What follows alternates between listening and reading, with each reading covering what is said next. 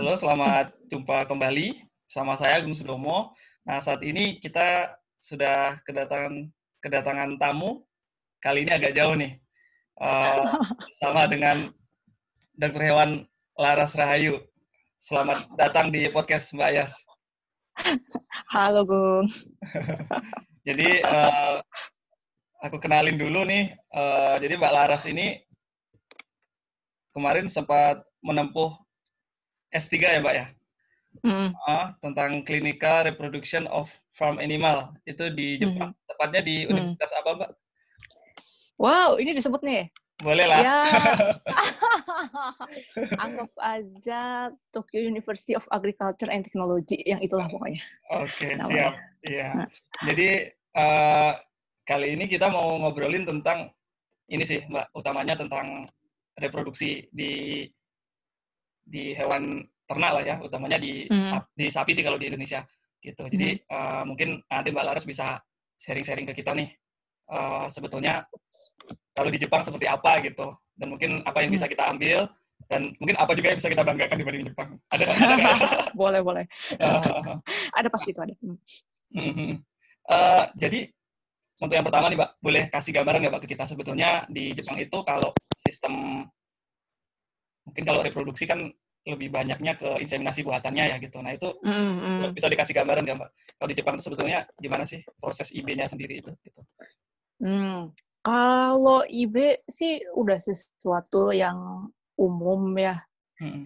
Hmm, udah bukan hal yang aneh lagi dibanding apa kawin alami. Justru mah kalau kawin alami kelihatannya wah banget, wah berarti uh, apa farmnya luas banget, lega banget nih Oh gitu. Dan kaya banget karena bisa bisa sampai apa pelihara jantan terus ada tempat khusus buat kawinnya itu itu malah jadi luar biasa jadi uh, kalau di sini yang saya tahu sih mm-hmm. uh, IB udah lama dan kalau dari apa ya hmm, ke keberhasilannya sih ya udah bagus sih pakai apa sih istilahnya? Eh seperti seperti ya konsepsinya mm, ya mm, maksimal dua lah kalau lebih dari dua. Itu tuh biasanya udah uring-uringan banget lah petani.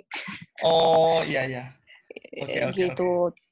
terus apalagi ya kalau reproduksi? Mm, yang sering yang kemarin ini pas kuliah di sini itu yang sering dikunjungi itu kan uh, sapi perah ya.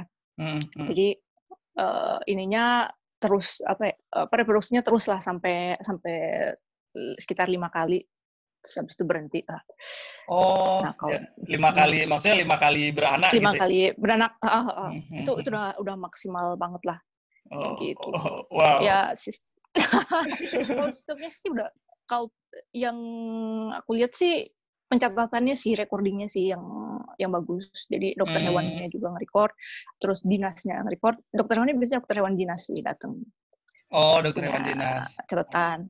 Mm -mm. okay. terus di uh, ininya sendiri punya catatan di peternaknya sendiri. Tapi tergantung gedenya juga sih. Saya juga jadi saya sama aku ya aku aja deh. Pernah pernah ke petani yang apa peternak yang farmnya kecil pernah juga ke peternak yang farmnya ya menengah hmm. lah, nggak gede-gede amat gitu. Kalau hmm. yang kecil itu ya masih pakai kertas gitu, tapi yang udah agak sepuh gitu ya. Hmm. Ya masih pakai hmm. kertas uh, buku catatan gitu loh. Jadi lebih ke oh. dokter hewannya sih yang punya catatan. Tapi kalau oh, yang gitu. agak menengah, mereka uh, udah agak modern lah. Ada uh, ya emang masih pakai kertas, cuman uh, di ini juga sih ada beberapa yang direkam di komputer jadi bisa, oh. bisa print gitu tadi udah yeah. print out terus oh, gitu. pakai ini juga yang penting tuh ada whiteboard oh whiteboard itu tetap ya iya iya tetap oke okay. pakai whiteboard terus ada yang punya juga kalender apa ya kalender kalender kalender, ya, kalender reproduksi iya iya. Mbak, ini sebagai untuk konteks aja nih, Mbak. Jadi sebetulnya kalau hmm. yang tadi Mbak Laras sempat sebutkan peternak yang besar dan kecil, nah kecilnya di, di oh, Jepang oh. itu kategori kecil tuh berapa ekor sih, Mbak? Gitu ya. kalau yang aku pernah lihat, oh. berapa ya? Sepuluh sih. Sepuluh tuh udah, udah termasuk ada anaknya, ada uh, ada Oh, induknya. oh gitu. Mungkin induknya sekitar lima kali ya, kalau gitu ya. Mm, mm, mm. Oh iya iya iya. Oh berarti kurang lebih sama dengan dengan di kita gitu. Biar biar kita bisa bayangin deh. Mm, mm, Oh mm. oh kecil Sama tuh aku. ya sekitar lima ekoran gitu ya. Mm, udah benar-benar sebelah sebelahan sama rumah gitu deh. Hmm, oh berarti mencar-mencar kecil gitu terus nanti ada lagi gitu ya berarti ya sistemnya. Iya, heeh, heeh. yang Hmm. gitu tuh biasanya sih kayak di eh provinsi yang kalau di Indonesia misalnya kayak gimana ya? Kayak Jawa Timur terus yang dekat-dekat Surabaya tuh banyak peternak kecilnya. Hmm, Tapi kalau misalnya Malang tuh banyak peternak besarnya gitu. oke oke oke. Gambarannya kayak gitu. Menarik. Jadi kalau dari segi pelaksanaan IB-nya bisa dibilang sama lah ya berarti Mbak. Ini Sama dengan, sih. dengan mm-mm. Sama-sama. Kalau peternak oh ya tambahan. Kalau Hmm. peternak kecil tuh biasanya ya dokter hewan dinas datang terus Mm-mm. eh, IB. Nah, tapi Mm-mm. kalau yang menengah sampai besar tuh mereka biasanya punya staff IB sendiri. Oh, punya staff IB sendiri. Artinya dokter hewan atau gimana nih? Eh, enggak, biasanya memang staff yang emang kerja di situ sehari-hari merawat Heeh. sapinya, tapi punya eh, izin buat IB. Oh, iya iya iya, inseminator lah berarti kalau di Indonesia ya. Mm-mm, mm-mm. Betul, betul, betul. Punya izin inseminator. Oh, iya, iya. jadi kar- karyawan di situ sekaligus sebagai inseminatornya gitu ya. Oh, Heeh, betul, oke betul. oke oke. Tadi ada yang menarik sih Mbak. Ke tadi Mbak Laras sempat sebutkan kalau di sana kan maksimal lima kali ini ya, lima kali beranak ya gitu ya. Berarti, Mm-mm, so, aku itu juga udah Mm-mm. udah ini banget, udah kayaknya udah miskin banget. oh iya berarti kalau yang umum gitu berapa? Itu maksimal berarti lima ya, lima kali ya. Iya itu udah udah kayak di, di ya benar-benar eh, hemat banget lah istilahnya. Katanya Wow. kalau udah tiga kali beranak aja udah kayaknya wah ini udah panti jompo nih. Oh gitu. Wow. Berarti ini kita bisa bangga nih, Mbak.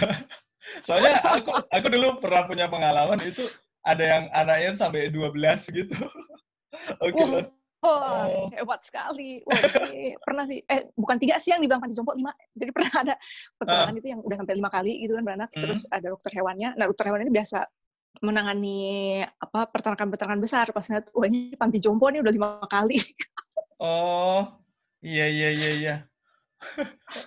oh, berarti emang emang di sana mengambil optimalnya aja ya. Berarti udah udah ya, udah kalau udah lebih dari tiga kali itu berarti sudah udah nggak dianggap optimal lagi gitu mungkin ya. Hmm. mm-mm, dari segi produksi susu juga kan.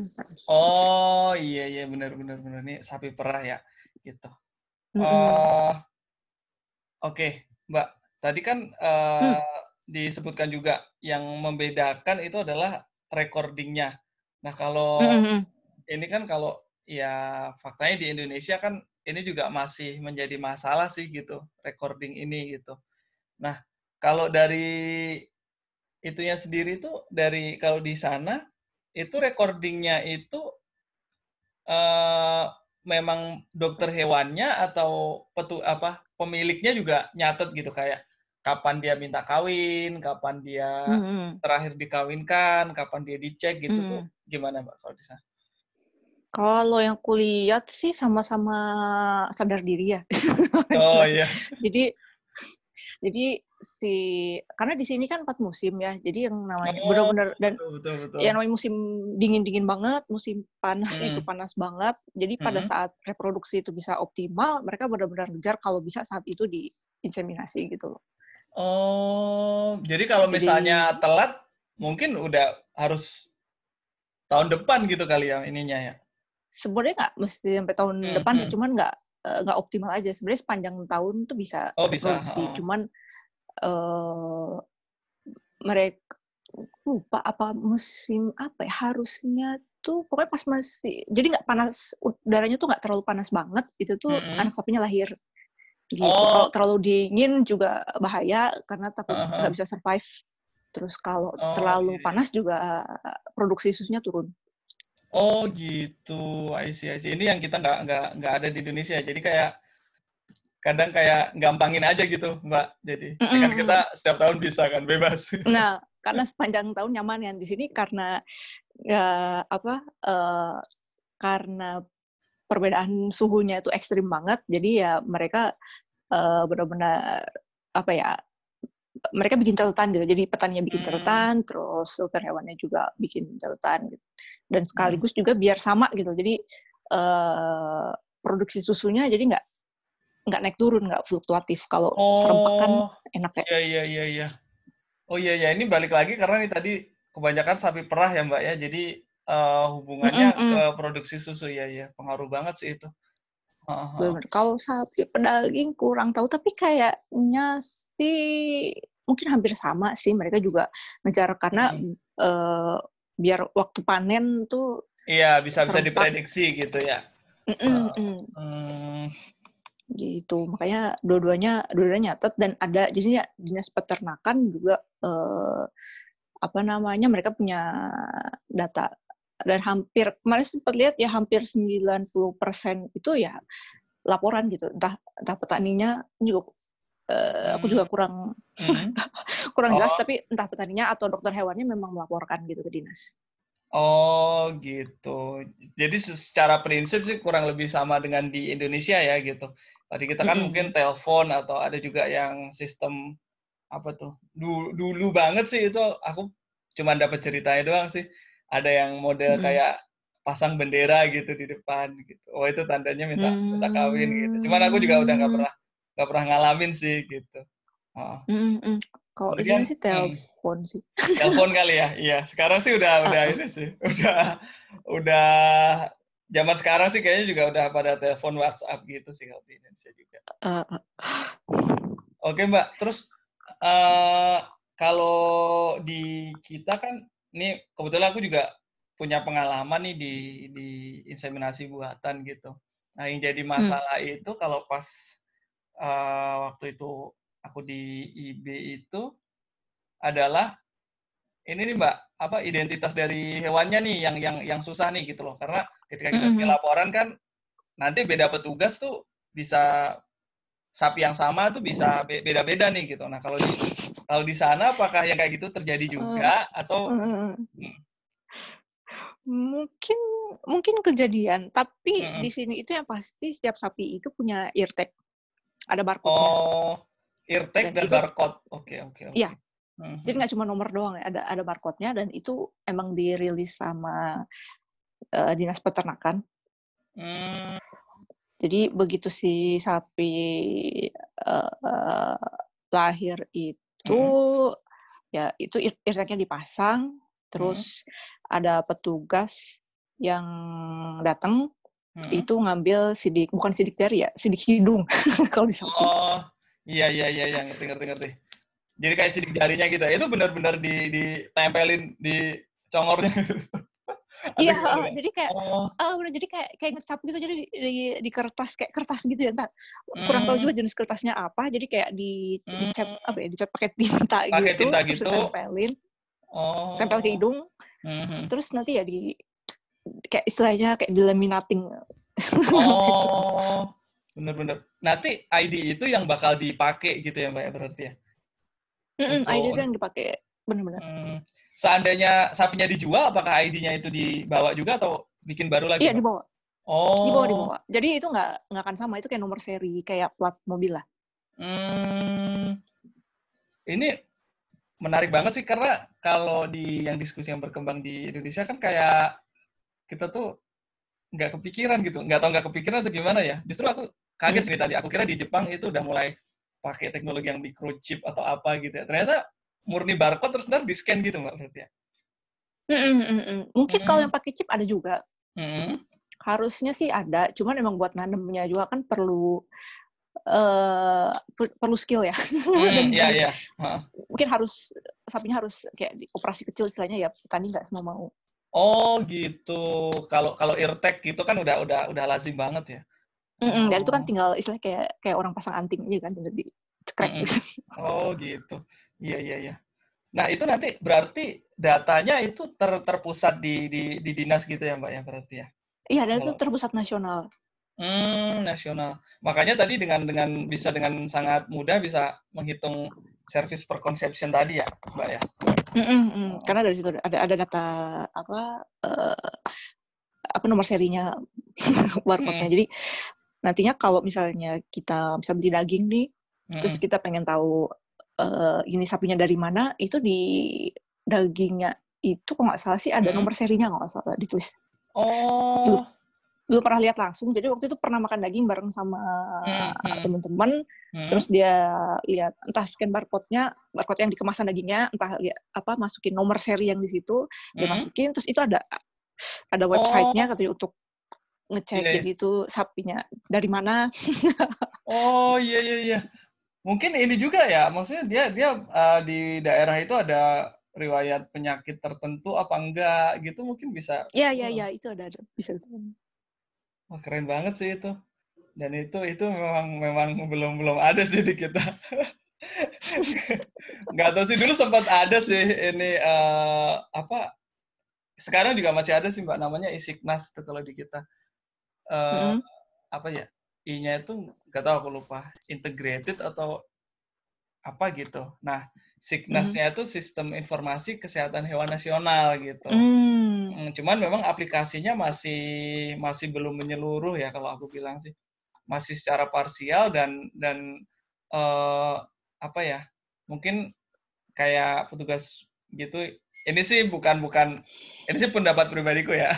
jangan hmm. jangan di ini nanti buat pendengar nanti jangan dijadikan acuan lah ini cuma pendapat pribadiku aja.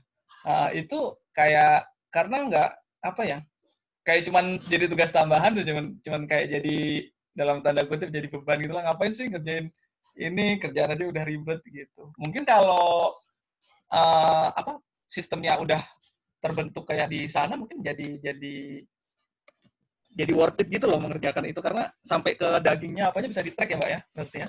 Mm -hmm. betul betul. Mungkin karena apa juga ya di sini itu jadi tiap daerah kan jadi apa one village one product itu kan ada ya. Oh, One Village One Product. Bentar-bentar kayak aku familiar oh, jadi, deh sama ini. kayak di Indonesia ada kampanye begitu deh. Uh, oh iya iya iya oke oke gimana tuh Mbak? Di Jepang kan memang udah udah lama ya memang uh, uh. emang satu istilahnya satu daerah tuh satu produk dan uh. kalau kayak misalnya kayak susu, daging juga sama sih. Jadi kalau hmm. kayak daging itu jadi tiap tahun itu ada kayak kontes uh, sapi.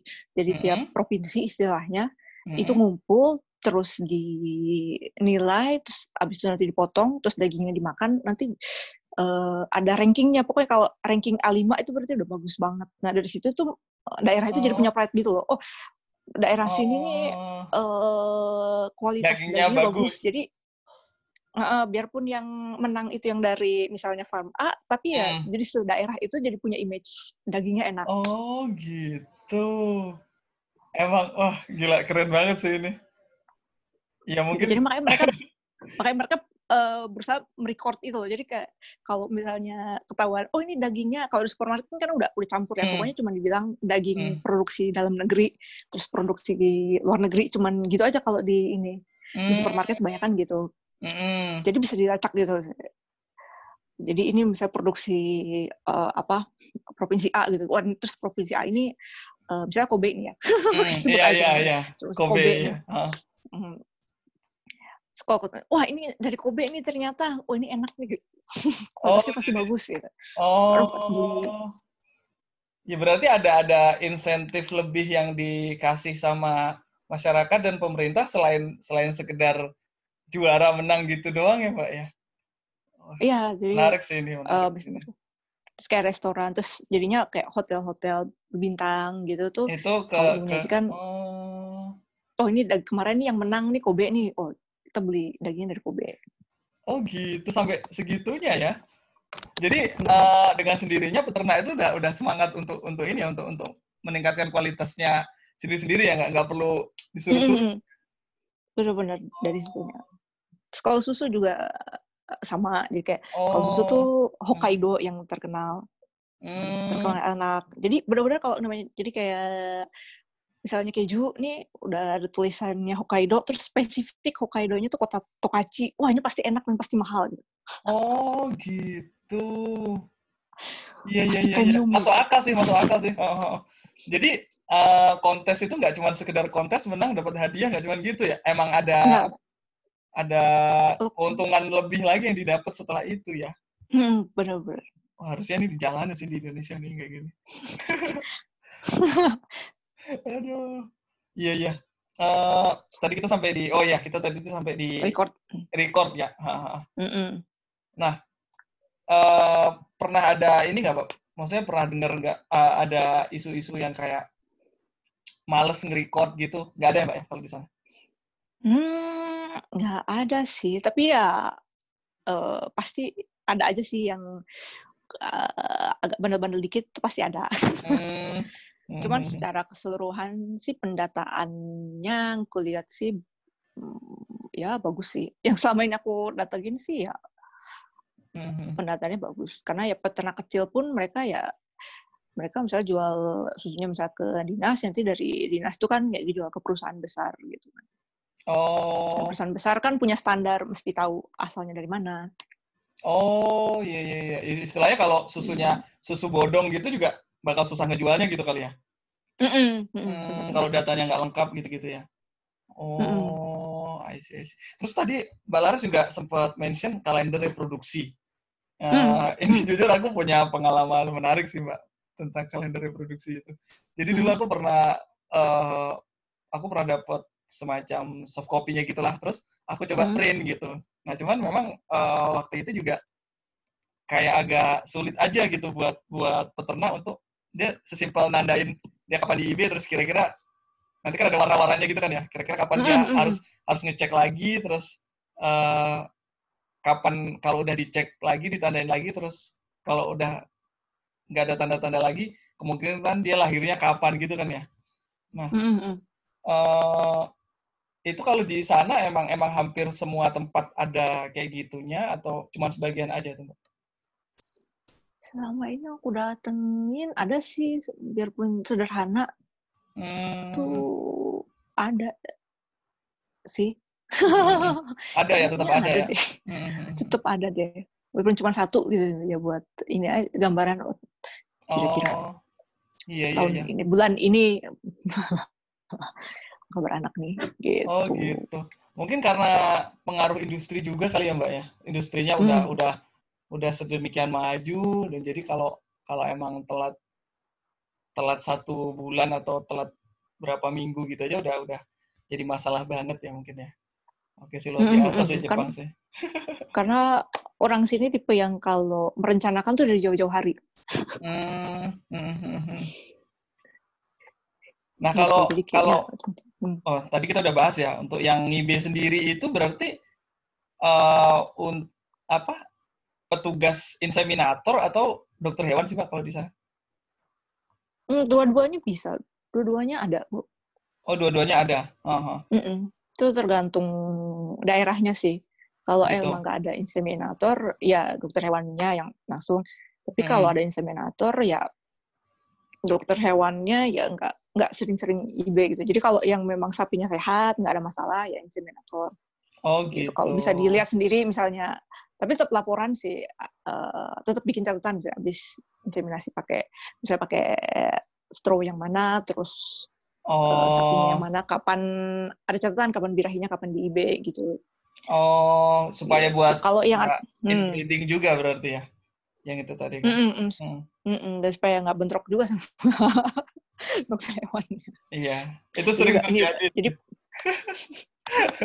biar nggak berantem ini udah udah di eBay jangan di eBay lagi gitu sebenarnya iya iya iya, iya, iya. sederhananya iya iya betul betul oh iya mbak ini kalau hmm. uh, gimana oh iya ada tambahan lagi silakan mbak eh, ya kalau yang sapinya ada masalah misalnya mesti treatment hormon ya biasanya sama apa oh. sama dokter hewannya tapi kadang treatment hormon itu bisa juga diwakilkan ke inseminator tapi hmm. jadi bukan obat hormon bukan hormon yang satu botol dikasih langsung tapi udah dimasukin ke spoid oh. spoid dosis sekali suntik oh gitu jadi udah tinggal suntikin doang ya mm -mm. jadi misalnya perlu dua kali ya disiapin spoidnya dua kali oh iya iya iya, iya. wah teratur sekali Oke Mbak, ini mumpung ada Mbak Laras juga nih. Uh, hmm. Di Indonesia tuh sekarang lagi lagi heboh dan lagi semangat semangatnya itu untuk transfer embrio mbak. Nah mungkin kalau di hmm. Jepang transfer embrio tuh kayak gimana Mbak kalau di kalau di penelitiannya mah udah pasti di sana lebih ini ya. Ini di praktikalnya di lapangan kayak gimana? Mm -hmm. Kalau di lapang kemarin tuh sempat lihat ya buka data. Hmm. Hmm. Sebenarnya di beberapa tempat sih sudah dilaksanakan, cuman masih petani masih belum apa ya belum prefer untuk uh, embrio transfer. Hmm, alasannya Karena kenapa ya, tuh, Mbak? Pertama, steronya mahal. oh iya iya iya, masuk akal sih. Uh-huh. Steronya mahal, terus harus dokter hewan. Oh, nggak nggak bisa nggak bisa di inseminator ya itu ya? Mm-mm, dan dokter hewan juga nggak semuanya bisa. Oke okay, oke, okay. ngerti ngerti. Gitu. Kalau oh. secara teknik sih mungkin alasan dokter hewan juga beberapa yang males ya karena kan harus uh, apa untuk bikin ininya aja si apa namanya istilahnya si embrionya aja itu kan yeah. harus mensinkronisasi sekian sapi. iya betul betul dari sekian calon mungkin yang nanti bisa dipakai cuma berapa gitu jadi sekian kandidat gitu. Iya sih memang mm -hmm. memang lebih terus lebih, kan dan bukan pas birahi kan jadi uh, bukan pas serviksnya kebuka, kebuka tapi pas iya. tutup betul betul oh. nah itu kan susah oh iya sih lebih lebih ini ya oh berarti wah ini kayaknya kita aku bisa bilang kita lebih unggul nih mbak saya kalau di sini ya uh, apa sih lebih uh, alhamdulillah sih kayak pemerintah lewat BET itu dia ini udah udah mulai aplikasi di lapangan gitu. Jadi beberapa teman mm -hmm. juga bilang juga udah ada yang berhasil gitu. Eh, cuman uh, tingkat keberhasilannya berapa persen dari berapa ya dilakukan terus berapa persen yang berhasil itu memang aku nggak punya datanya sih gitu. Cuman ya mm. kita syukuri aja deh. Tapi Oke, kalau farm besar hmm. yang memang itu juga ada sih kalau di sini. oh, tetap untuk untuk perbaikan ini. Kalau ya? di perusahaan besar di sini. Hmm. Kalau itu sih mereka uh, mereka punya jadi ada satu perusahaan yang tahu jadi ada di kelas yang dia di sana dia memang embryo transfer itu di situ udah udah biasa tapi memang mega farm sih oh. dan ada pusat penelitiannya juga oh ada R&D-nya berarti ya di situ ya mm -mm. Mm -hmm. oh ya mbak thank you banget nih mbak kita udah ngobrolin mm. banyak hal gitu nah mungkin sebelum sebelum ditutup mungkin ada yang ingin disampaikan gitu mbak terkait reproduksi di Indonesia atau gimana yang belum sempat kita bahas? Waduh, tadi nanti aku dimarahin lagi kalau sok tahu soal produksi di Indonesia. Kita memang dua orang sok tahu lagi ngobrol sih, Mbak. sok tahu lagi. Ya, gimana ya? Uh, mungkin satu yang jadi dan ini nggak nggak cuma sebenarnya nggak cuma di reproduksi juga di hmm uh, pangan secara umum ya Indonesia itu kan udah sepanjang tahun tuh sebenarnya bisa menghasilkan pangan. Betul betul betul. Reproduksi hewan juga kan bisa sepanjang tahun ya. Hmm. Uh, kalau bisa sih ya memang itu udah nyaman tapi juga uh, tetap terprogram. iya betul betul. oh uh, kapan aja kapan aja bisa jadi nggak usah direncanakan perencanaan itu penting. Iya iya betul. Jangan take for granted lah gitu mentang-mentang kita uh, sepanjang tahun bes bisa ya udahlah besok aja besok aja gitu kali ya benar benar oh, nggak okay, okay. santai iya iya emang kita negara apa santuy di dunia sih ya itu jadi membuat bahagia sih tapi kan kalau pas lagi kekurangan misalnya oh. kekurangan bahan pangan jadi kepikiran yeah. juga kan betul betul betul betul Oke Mbak, thank you banget nih Mbak waktunya di sela-sela kesibukannya mau ngobrol okay. bareng kita buat, pendengar-pendengar kita juga. Ini Mbak sebelum ditutup hmm. nih ada sosial media atau apa yang mau dipromot Mbak kali aja nanti ada yang pengen follow gitu kan atau pengen kontak gitu. Di boleh disebutkan Mbak? Apa ya? Hmm, paling Instagram tapi Instagram isinya foto doang. oh iya Mbak Mbak Laras ini uh, senang fotografi juga nih kalau aku lihat di di itunya di uh, ya itu, Instagramnya.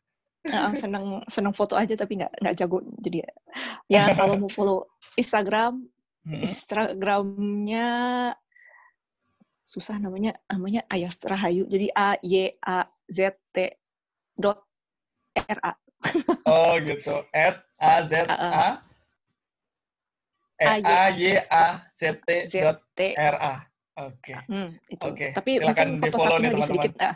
Oke. Iya memang nggak nggak nggak harus gitu. Itu kan sosial media mbak harus bebas dong. Oke okay, mbak, hmm, uh, terima kasih. Suka -suka. ya. Hmm. Oke mbak, terima kasih sekali lagi uh, waktunya udah udah mau ngobrol-ngobrol sama kita. Uh, Oke, okay, sama-sama. Ya, uh, jangan kapok ya mbak ya. Nanti kalau kita boleh boleh kapan-kapan. besok lagi juga boleh. Oke. Okay. dengan topik yang berbeda lagi atau mungkin mm. kita going deeper lagi di topik ini uh, jangan lupa boleh. juga mm, dengerin podcast ini. Ya uh, ada beberapa episode yang mungkin menarik. Sebelumnya kita udah pernah bahas tentang juga tentang uh, isu lingkungan itu isu habitat satwa liar. Kemudian juga kita pernah juga bahas isu zoonosis seperti itu. Oke, okay? uh, eh, sampai di situ dulu episode kali ini. Uh, kami berdua pamit. Bye bye. Bye bye.